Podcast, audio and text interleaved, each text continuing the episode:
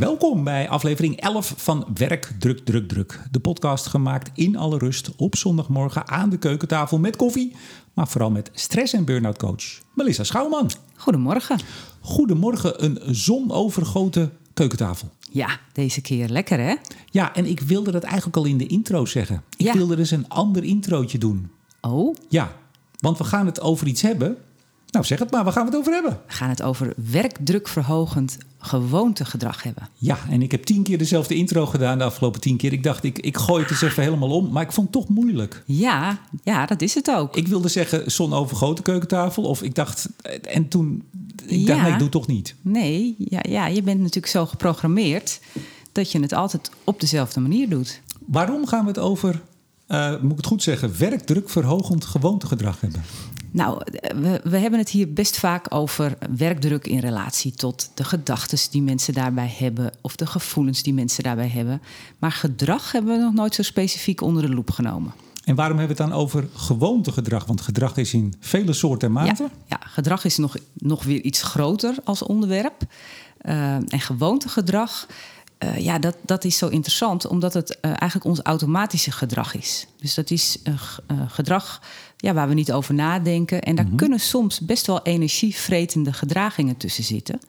Dus eh, sowieso interessant om daar naar te kijken. Ehm, maar het is ook zo dat aan dat gewoontegedrag best wel wat te sleutelen valt. Eh, dus dat, dat maakt het zo interessant. Je kunt er iets aan doen. Ja, je kunt ze vervangen misschien wel door ander gewoontegedrag. Ja, Wat door- minder energie kost. Ja, ja je kan dat, eh, dat gedrag vervangen. En en ja, daar gaan we het over hebben. Ja, ja dus je, moet, je moet weten hoe het werkt. Je moet het misschien bij jezelf herkennen. En Ja. dan moet je ook nog eens de tools hebben om het te veranderen. Ja, En dat ga je allemaal, gaan ze allemaal in een half uur krijgen. ja daar valt eh, best wel in een half uur iets over te vertellen. Oké, nou voordat we dat gaan doen. eh, je hebt weer een nieuwe column uit. Ja, ja, Ja, je wou een slokje koffie nemen. ja. ja, dat is mijn gewoonte. Dat ik dan iets gezegd heb en dat ik dan koffie Neem neem. lekker een slokje koffie. Lekker, dan, lekker. Zeg ik, dan zeg ik dat dat een column is in eh, Binnenlands Bestuur. Of bij Binnenlands Bestuur op de website. Ja. Daar ben je sinds een tijdje weer. eh, nou, je was het vroeger al, maar je bent het weer. Dan geef ik ook vast de titel. eh, de coach van Jut. Ja, Waar gaat die over? Nou ja, het is natuurlijk een, beetje een grappige eh, knipoog naar de kop van Jut. Eh, ik eh, leg eigenlijk de vinger op een, een fenomeen wat de laatste jaren best vaak langskomt. Dat is coach-bashing, zoals ik dat zelf ben gaan noemen. En dus er komen regelmatig artikeltjes in de krant of eh, documentaires op televisie Mensen die boeken schrijven. mensen die boeken schrijven. En daar wordt de coach dan even lekker een beetje gebashed. Namelijk, dat zijn een soort zweverts, een soort eh, vage types. Die eigenlijk, eh, ja, he- hebben we ze eigenlijk wel nodig. Op het gevaar dat ik een, een, een kopje koffie naar mijn hoofd krijg. Maar heel, heel veel coaches zijn toch ook een beetje wazig. Nou, het, het, het is ook iets wat meekomt met het fenomeen dat het coachvak ook nogal eh, uitgedijd is. Er zijn er nu eh, volgens de Kamer van Koophandel telling 75.000. Dat is natuurlijk ook best een heel groot aantal. Ja, maar dat is, sorry, dat, dat iedereen kan zich dat noemen. Iedereen kan dus iedereen kan naar, de Kamer van Koophandel en zeggen: Ik ben coach. En dan zegt, nou prima, leuk. Dat is ook het, het nadeel, denk ik. Het is een vrij beroep. Eh, hè, dus iedereen kan zich zo noemen. En, en het groeit ook met eh, ja, het afnemen van de mentale gezondheid in het land. Hè. Dus het is ook wel een beetje een opportunistisch gebeuren. En, en daar wordt natuurlijk terecht kritisch naar gekeken. Alleen van die 75.000 is ruim een kwart eh, heel serieus met dat vak bezig. Zijn aangesloten bij goede beroepsverenigingen die echt wel de nodige eisen stellen. En, en niet één keer die eisen stellen, maar ook willen dat je ja, terugkerend met dat vak goed bezig blijft. En, en ook met elkaar in, hoe heet het ook alweer? Intervisie, Intervisie eh, doet. En, en de en, ja. deskundigheidsbevordering waar eisen aan worden gesteld. En ook het, het kunnen toetreden tot zo'n beroepsvereniging vraagt vaak al om bepaalde eh, opleidingsachtergrond, om ervaringsuren. Eh, dus nou, daar breek ik een lans voor. Dat doe ik wel met enig humor, maar het is wel een serieuze boodschap. ja. Nou, jij bent zelf van de VESB. Ja, Vereniging. Erkende Stress- en Burn-out Coaches. Maar het, is dus ook wel belangrijk, denk ik dan. Maar ik zit het een beetje nu in te vullen. Kijk, er zijn dus heel veel mensen die soms ook omdat ze zelf een burn-out hebben gehad, vinden. En misschien zijn ze het ook wel, laat ik dat in het midden laten. Dat ze ervaringsdeskundigen zijn en hun kennis kunnen overdragen aan anderen.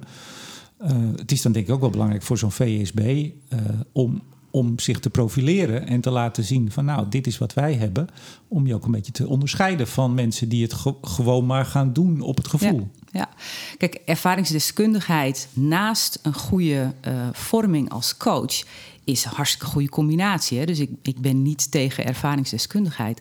Maar als dat het enige is op basis waarvan iemand aan het werk is, ja, dan kun je er vraagtekens bij zetten. Hè? Want dan is het toch vaak uh, iets wat iemand zelf heeft geholpen, is dan eigenlijk de Holy Grail geworden, uh, die dan ja, eigenlijk geadviseerd wordt aan anderen. Dat, dat heeft ook niet zoveel met coaching te maken. Ben jij zelf eigenlijk wel eens vastgelopen? Ik ben wel eens langs het randje geschuurd. Ja, dus uh, overspannenheid, uh, dat, uh, dat, dat heb ik wel meegemaakt. Dat je echt te veel op je nek neemt in het werk en een opleiding in de avonduren ernaast. En, en eigenlijk een enorme hoge lat voor mezelf. Ik, ik werkte toen bij een outplacementbureau. En ik dacht echt, ik ga al die mensen die, uh, ja, die ontslagen zijn of ontslagen gaan worden, die ga ik allemaal persoonlijk aan een geweldige, passende nieuwe baan helpen. Dat, dat was mijn rol. Mm -hmm. Maar dat had ik veel te groot gemaakt. Ja.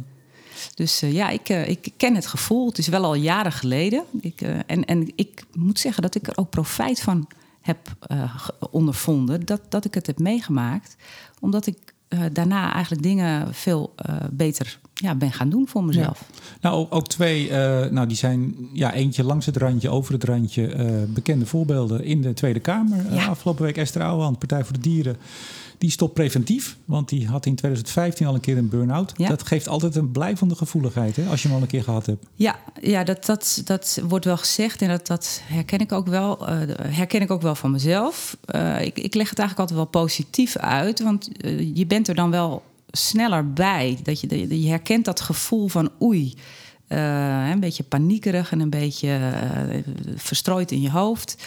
Da dan weet je, ik heb te veel, ik moet maatregelen treffen. Ik weet niet of zij er nou zo bij tijds bij is, want ze gaat er wel echt flink lang uit. Ja, maar je moet, je moet in de kamer, moet je, als je eruit gaat, moet je minimaal een aantal weken nemen. Oh, dus okay. dat is een vast. Je oh, kan niet zeggen, ik kom twee weekjes niet. Dan kan ik geloof 16 weken uit mijn hoofd. Maar Ah, weet ik oké. niet. En Okje Tellegen van de VVD, Ja. die zat al vanaf februari thuis en die komt helemaal niet meer terug. Die, Die komt niet meer terug. Nee. nee Tja. ik, ja, ik denk verstandig voor haar. Ik heb de verklaring gelezen. Het is echt best wel een aangrijpend, eh, aangrijpend eh, verhaal wat ze heeft gedaan. En ook een beetje een oproep aan de collega's in de Tweede Kamer.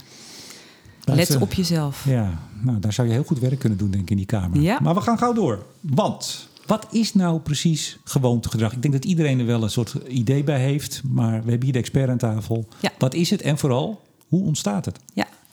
Nou, het is het gedrag wat je automatisch vertoont. Waar je eigenlijk niet over nadenkt of nauwelijks over nadenkt. Zo van, eh, eh, heb ik nou eigenlijk de deur wel op slot gedaan? Het kan zo'n gedachte zijn die je hebt als je eh, al een, een, een, paar meter van je huis vandaan bent. Dat je denkt, heb ik dat nou gedaan? Maar dat heb je automatisch gedaan. Ongeveer 50% van ons gedrag is automatisch. Mhm. En de kern daarvan is eigenlijk heel positief. Het eh, scheelt ons namelijk enorm veel energie. Uh, als we dingen uh, gedachteloos kunnen doen, gewoon de goede dingen, de patronen die, die ja, die, die nodig zijn, uh, ja, dat is op zich een heel goed principe. Mm -hmm.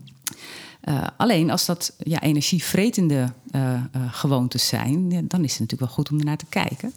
Maar wat er nog meer over dat gewoontegedrag te vertellen valt, is dat het altijd uit drie onderdelen bestaat. Er is een trigger nodig. Mm -hmm. een, een, ja, dat kan van alles zijn: een omstandigheid, een, uh, een moment op de dag, uh, een omgeving. Uh, eigenlijk alles kan een soort trigger zijn. Ja, je gaat er ook voorbeelden geven. Hè? Dus Ga voorbeelden geven. Zo. Ja? ja? Trigger is één. Het is iets wat het gedrag uitdaagt, uitnodigt. Mm -hmm. Het gedrag op zich. Ja. En het bijzondere van dat gewoontegedrag is dat het zich altijd op diezelfde manier herhaalt. Dus het is herhalend gedrag. Mhm. Mm -hmm. En er is vaak een beloning aangekoppeld. Een gevoel van uh, ja, dat het goed is, ja, dat dat gedrag er weer is geweest. Ja, en, en die herhaling, heet dat misschien de habit loop? Ja, dat heb je heel goed. dat heb je heel goed. Beste luisteraars, ik heb dit van haar uh, al gehoord hoor. Ja, nee, de, de habit loop maakt dat het steeds op diezelfde manier terugkomt. Dus als die trigger er is, dan komt datzelfde gedrag en dan is er dat gevoel van diezelfde beloning. En dat maakt het uh, ook uh, ja, zo herhalend en ook voor het gevoel lastig om daarmee te stoppen. Ja, maar bijvoorbeeld even, je zegt de, de deur checken, hè? Of, je, of je wel de deur beslot hebt gedaan, ja. dat het zo gewoon is. Ik heb dat vaak met de wasmachinekraan. Uh, als ik die weer dichtdraai na de was. Ja. Dan, en dan denk ik, heb ik hem nou dichtgedraaid en dan ga ik het controleren. Maar een kwartier later ga ik het weer controleren. Maar dat is weer een heel andere... eh, Ja, ja, dat, ja dat, dat lijkt me... Hè, coaches moeten ook goed com- door... compulsief gedrag. Coaches moeten ook goed weten wanneer ze iemand doorverwijzen. Hm, dat zou ik hier dan wel doen. Goed, gauw, gauw verder. Geef eens een voorbeeld, of misschien wel twee. Ehm, nou, bijvoorbeeld eh, eh, werkdrukverhogend eh, gedrag, gewoontegedrag, wat ik vaak terughoor van coaches, is dat zij het begin van de dag aangrijpen om eigenlijk op te starten met uitgebreid hun mails te checken. Echt al hun mails willen ze dan bekijken en ook het liefst allemaal afhandelen. En en de, de- ja, wat er dan gebeurt is dat de, de trigger eh, om die mails te gaan checken is dat begin van de dag. Hè. Dus de trigger is een, een, een moment. Ja? Namelijk de dag start en dat wil ik rustig doen. Ik wil er een beetje rustig in komen. En mail checken is dan een soort van rustige activiteit. Alleen wat er gebeurt is dat dat mailchecken zoveel tijd in beslag neemt... dat al een heel flink deel van die ochtend voorbij is... en dat dat eh, andere werk, misschien zelfs wel het leukere werk... maar niet aan bod komt. En dus dan zie je zo'n ja, zo'n zo'n eh, gewoontegedrag. Wat maakt dat mensen in, in een, een, eh, een cirkel blijven zitten... waar ze op een gegeven moment eh, last van gaan krijgen. Ja, dus je, je begint, ik zeg toch even heel klassiek, om negen uur. En om half tien denk je, ik ben lekker bezig. En op een gegeven moment zit je om half elf nog, een kwart voor elf en elf uur. En dan denk je, mijn hemel, ik ja. moet nog heel veel doen. ja, Maar ja. toch is de beloning dus, die houdt het dus wel in stand. Ja, want de beloning die, die mensen dan eh, ervaren is... eh, ja, ik ben iets aan het afmaken. Ik ben aan het zorgen dat dat werk weg is.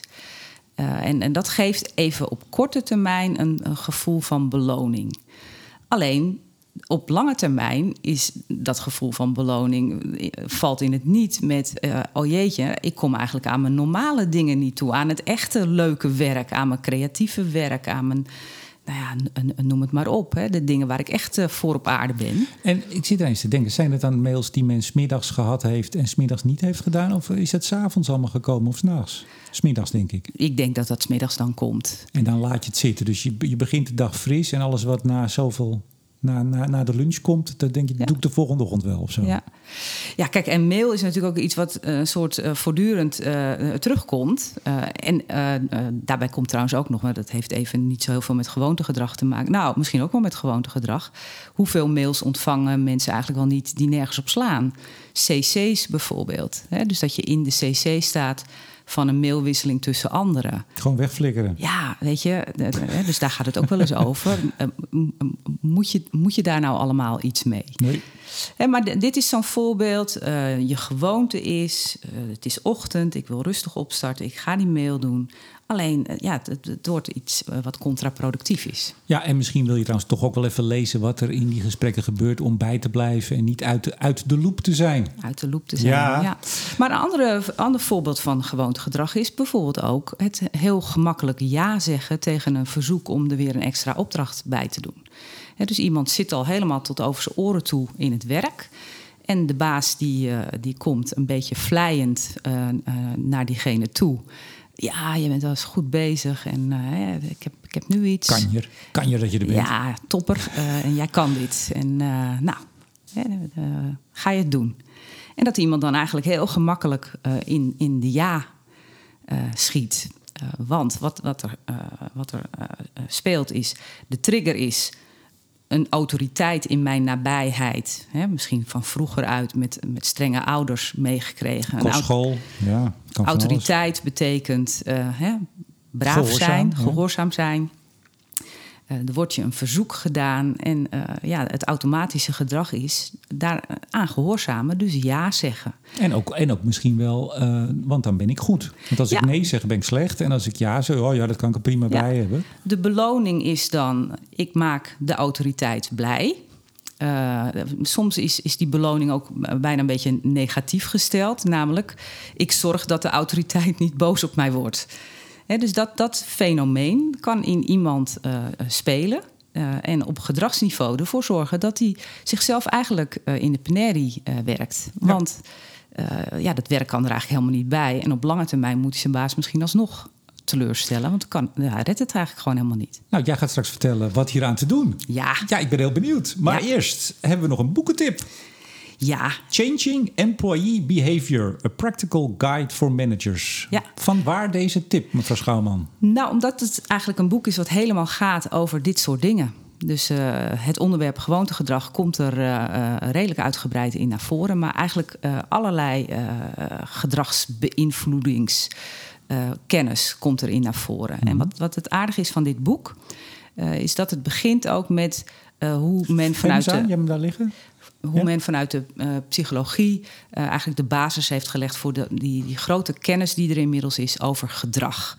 He, dus het begint met klassieke conditionering en met, met eigenlijk uh, ja, alle voorlopers op de gedragskennis die er nu is. Mm -hmm. Dus het legt een mooie, een mooie theoretische basis en vervolgens gaat het heel erg veel praktische informatie geven voor managers en medewerkers. Uh, hoe, hoe dan toch dat gedrag te veranderen. Want mensen denken vaak dat is niet te doen. Uh, of ze denken dat het is heel makkelijk te doen. En het is iets ertussenin. En uh, men kan elkaar er ook heel erg goed bij helpen. En dat komt allemaal in dat boek langs. Oké, geschreven door Nick Kinley. En, jawel, daarom noem ik ze even, Shlomo Ben-Hur. We lachen niet om namen. We lachen zeker niet om namen, maar het is wel een fantastische naam. Ik vind Shlo Shlomo vind ik al een, een hele mooie uh, Joodse naam, is dat volgens mij? Ja. Shlomo. Ja. Uh, en Ben-Hur, nou ja, bedoel, als je, als je hem niet kan vinden, zoek even op Shlomo Ben-Hur. Maar de titel is dus Changing Employee Behavior. Nou, en als ze hem niet kunnen vinden, kunnen ze altijd jou even contacten. Ja. En dan, uh, ik zou bijna zeggen, stuur je erin op. Nee, dat is niet zo, maar je Nee. kunt ze wel helpen waar het boek te vinden is. Van harte aan te bevelen. Heel goed, heel goed. Uh, ja, veranderen is lastig. Uh, hoe doe je dat? Ja, nou, ik, ik ga niet beweren dat het appeltje-eitje is. Mhm. Mm -hmm. Maar het kennen van die habit loop is eigenlijk al een heel goed begin.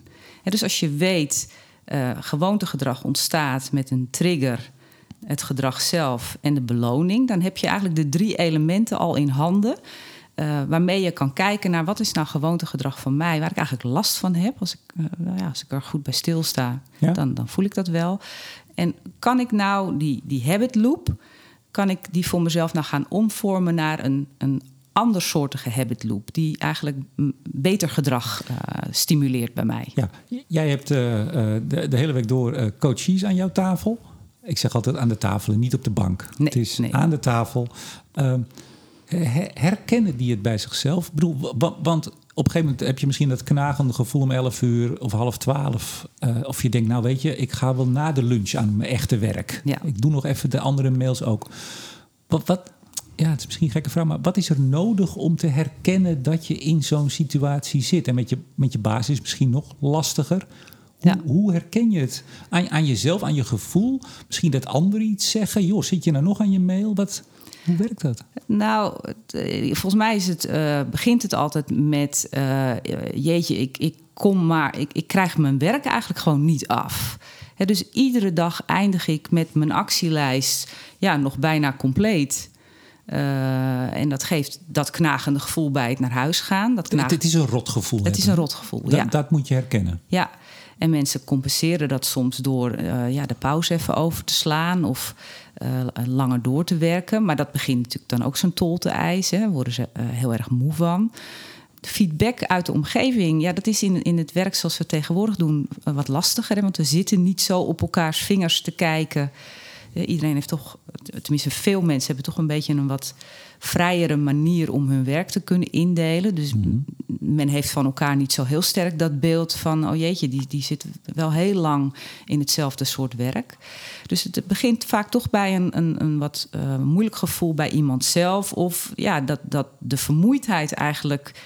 Uh, het signaal wordt van jeetje, waarom ben ik nou zo moe? Ja, nou ja, ik heb eigenlijk al, al uh, heel lang sla ik mijn pauze over en ik, ik maak eigenlijk mm -hmm. wel veel uren. Ja. Uh, veel uren maken kan trouwens wel iets zijn wat de omgeving teruggeeft. Oké, okay, dus je moet het eerst bij jezelf herkennen, ja. het, het, rotgevoel en denken, oh ik zit in een loop, in de habit loop. Ja. Dan um, moet je dus ja, proberen dat te vervangen door een andere loop. Kun je daar ook nou eens met diezelfde twee voorbeelden, mail checken en de baas willen pleasen even kort aangeven, hoe zou je dat kunnen doen met mail bijvoorbeeld? Ja, nou als je dan weet, en, en dit is een voorbeeld, hè, dus het kan ook zijn dat iemand, iemand zelf uit een, er op een andere manier uitkomt, maar als nou uh, voor jou duidelijk is, hey, ik heb behoefte om de ochtend rustig te starten, dan kun je bedenken, moet dat dan altijd met mail? Met mails openen en, en daar ja, toch Mhm. een beetje door geprikkeld eh, worden om daar weer iets mee te doen? Of kan ik iets anders verzinnen om rustig de ochtend te starten?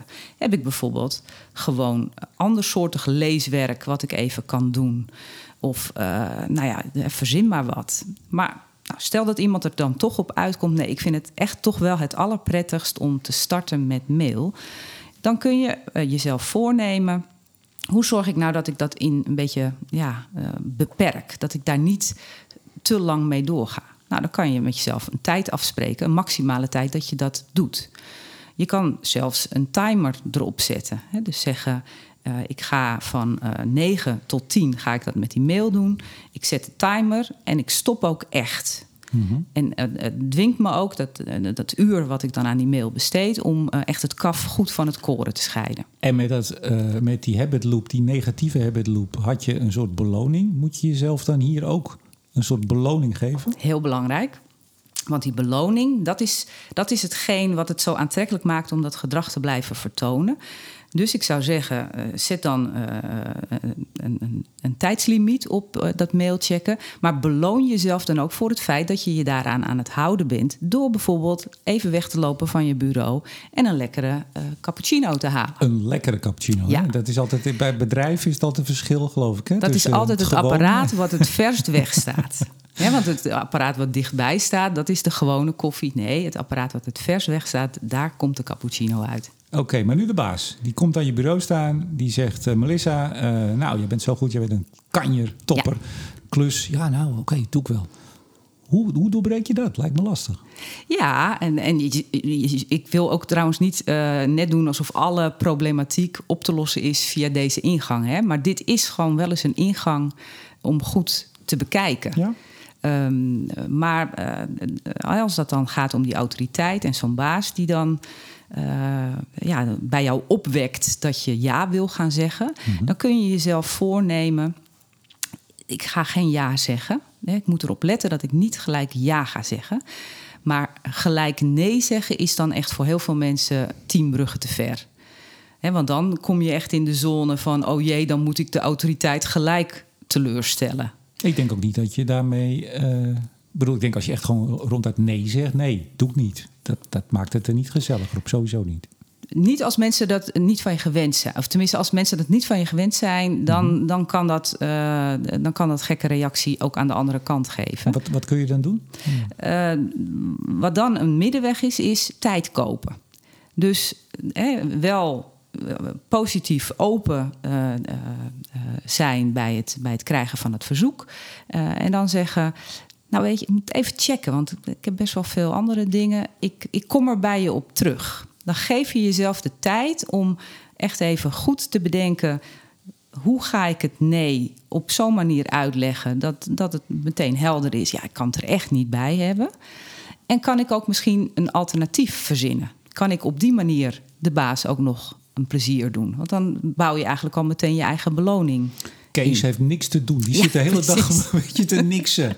Gewoon- echt iets voor Kees, deze klus. Gewoon naar Kees wijzen. Ja, en hoe geef je hier nou jezelf dan beloning? Nou, dat is ook nog wel slim. Hè? Dus eh, als je een goed alternatief kan bedenken. Eh ik zelf ben daar in de loop der jaren eh, wel heel slim in geworden als programmamanager. Als zeg je het zelf. ja, ik, ik, kon, ik kon dit echt op een gegeven moment heel goed. Ik kon het heel slecht en ik ben er echt door dit soort eh, oefeningen ben ik er echt eh, beter in geworden. Mhm. Dus ik voelde dan altijd al als beloning eh, dat ik een goed alternatief eh, eh, had bedacht. En, soms was het ook wel, we moeten deze, deze klus helemaal niet willen doen. Dat, dat kan ook een alternatief zijn. En dan argu- eh, eh, goede argumenten op tafel brengen waarom dat eh, inderdaad heel verstandig is. Of, of gewoon zeggen, ik ben gewoon heel erg druk. En ik kan het er gewoon niet bij hebben. Of, of is dat... Ja, als, als dat een duidelijk plaatje is. Dus als iemand eigenlijk zo transparant altijd al in, in, in dat werk bezig is. Eh, dat het gewoon overduidelijk is. Dan, dan kan iemand zich dat ook heel goed Het permitteren. moet, het moet passen in, Ja. in het plaatje, in het geheel. Maar als je het altijd heel erg voor jezelf hebt gehouden en je begint ineens dit Nee, soort signalen ja. te geven. Maar je, eh, wel goed wat je zegt. eh, eh, op het moment dat je het toch nog steeds echt moeilijk vindt en je hebt ook eigenlijk niet zo goed alternatief bedacht, geef jezelf dan wel een beloning voor. Het, het feit dat je een, een iets anders hebt gedaan dan je normaal zou doen. Want dat vraagt echt energie van je. Dat vraagt echt effort van je. Weer zo'n koffie. Weer zo'n koffie. Een chocoladereep. Ja, dit zijn natuurlijk ook allemaal helemaal geen goede gewoontes. Maar iets wat voor jou uh, prettig is, wat, wat waarde heeft. Ben je fantastisch bezig? Ben je toch zwaar geworden? ja. nou goed. Nee, maar helder. Maar je zei net al even oefening bij jezelf. Je zei, uh, nou, ik was er slecht in. Ik ja. ben er goed in geworden door te veel te oefenen dit is letterlijk iets van, nou, je moet gewoon uh, zoveel weken of maanden ja. voor jezelf die tijd nemen om te gaan oefenen? Nou, er is nog iets meer over te zeggen, hè, want uh, dit is de basis. Hè, dus die, die habit loop kennen, die ombouwen en dat gaan toepassen. Maar je krijgt dit, uh, dit gewoontegedrag alleen maar veranderd als je het inderdaad vaak herhaalt. He, dus je moet echt, nou, bij wijze van spreken, twee maanden lang dit toepassen, wil het al een beetje gewoon gaan voelen. Dus het vraagt echt wel uh, veel van jezelf. Dus uh, nou, er zijn zes dingen eigenlijk over te zeggen. Over, uh, Doe maar. Ja. Het lijkt wel voorbereid dit. Ja, hè? zeg maar hulpmiddelen, zullen we maar zeggen. Ja, hulpmiddelen. Oké, okay. nummer nou, één. De basis, daar, daar, hebben we het hier eigenlijk al de hele tijd uh, over. Weet hoe dat in elkaar zit, dat gewoontegedrag. Hè? Dus de kennis over hoe, dat, hoe dat loopt ja, is heel belangrijk. Luister deze podcast nog een keer, lees Slomo en Nick. Ja. Dan heb je hem. Ja. Dat is één. Reminders gebruiken.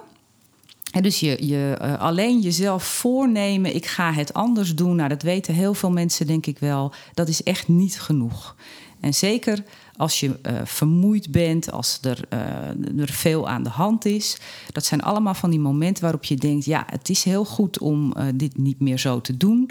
Maar ik ik ben nu even te moe uh, en, en er is te veel uh, om me heen. Ik kan het me nu even niet permitteren. Wat is zo'n reminder? Uh, het kan heel simpel een post-it op je computer zijn. Of okay. iets wat jou helpt herinneren. Wacht even, ik ga het echt anders doen. Oké. Okay. Nummer drie. Um, herinner jezelf ook regelmatig waarom je het nou eigenlijk wilde. Ja, dus het kan zijn dat je op een gegeven moment denkt... ja, jeetje, het kost me best wel veel moeite om dat andere gedrag te vertonen... Uh, waarom wilde ik het? En desnoods schrijf je dat voor jezelf op. Ook een reminder eigenlijk. Omdat je dat knagende slechte gevoel had. Ja. Bijvoorbeeld. Ja. Dan moet je dus wel bij jezelf weer kunnen oproepen bijna. Van, oh, ik zat er dan slecht ja. bij. Ja, dat moet je echt af en toe even terughalen. Oké. Okay. Uh, betrek anderen bij je wens. He, dus uh, laat anderen ook weten van... goh, ik, ik ben bezig om uh, echt even wat dingen anders te doen. En nou, misschien... Uh, als je ziet dat ik een beetje in mijn oude patroon uh, verzand, ja, trek me even aan mijn jas. Okay. Of, het helpt om, om anderen te betrekken, ook voor jezelf. Want dan heb je eigenlijk een soort openlijke verklaring afgelegd dat je het anders gaat doen. Dat, dat, dat geeft ook een, wat meer dwang bij jezelf om het ook echt te gaan doen. Maar je moet daar misschien, denk ik dan zelf weer ook niet in overdrijven. Nee. Want dat je niet een soort groot uh, begeleidingsproject opstart omdat jij moeite hebt om je mail. Nee, uh, nee dat is geen aanrader. Nee, dus, dat is het geval. Ja, ja, nee. Dus, oh ja, dat is Remco, dat geval. Ja, ja daar moeten we heel, de hele tijd op letten wat hij allemaal wel en niet doet. Oh, hij gaat weer koffie halen. Oh, hij is zich weer aan het belonen. Ja. Ja. Nee, maar het is wel belangrijk, hou het niet alleen bij jezelf. Dat is eigenlijk vooral. Wees er open over. Wees er open over, ja. Nummer vijf. Houd je voortgang bij. He, dus uh, kijk af en toe eens even terug naar... Uh, nou, dat is toch allemaal mooi gelukt de afgelopen week. Uh, en, en, zelfs als dingen... Het, het, kan altijd gebeuren dat, je, dat het op een dag even niet helemaal lukt. Dus dat je wel je reminder hebt gezien... ik zou vandaag dit en dat niet doen. Het is toch een beetje gebeurd maar alle beetjes helpen. Dat is ook wel een, een troostende gedachte. Hè. Vroeger dacht men altijd: als je niet het hele nieuwe gedrag helemaal volledig vertoont, dan is het mislukt. Nee, hè, als je iets van een, een, opvolging geeft aan wat je je hebt voorgenomen, dat helpt ook. Uh, en kijk daarnaar. Wat, uh, welke successen heb ik geboekt? En wat is tip 6, de laatste? Ja, dat is ook een hele belangrijke. Uh, maak voor jezelf plannetjes wat als. Uh, hè, dus dat zijn plannetjes waarbij je al bedenkt... hey, het kan zijn dat ik de aankomende week... dat ik afgeleid word door dit of dat. Er is veel aan de hand. Uh, of je, je, je weet dat je s'avonds veel te doen hebt... waardoor je wat vermoeider bent. Uh, wat als ik nu... Voel dat ik toch behoefte heb om nog rustiger op te starten dan normaal. Omdat, ik, hè, omdat dat er veel gaande is. Uh, wat is dan toch nog een manier om me wel aan mijn nieuwe gewoontegedrag te houden? Dus dan maak je eigenlijk een beetje scenario's op eh, de, de risico's die er zijn om, om het hele gedrag maar te laten voor wat het is. Dat hele nieuwe gewoontegedrag wat je je had voorgenomen. Ja. Dus, dus toch. eh, nou ja, maar dat is ook dus als je, ja, als je weet, ik ga het niet, het gaat niet helemaal lukken aankomende week of morgen. Dat je daar dus ook niet teleurgesteld in raakt al. Ja, en je, je, je dekt je aan de ene kant een beetje in en je neemt je iets voor wat je dan toch wel gaat doen. Dus je, je rekt je gedrag dan toch wel op.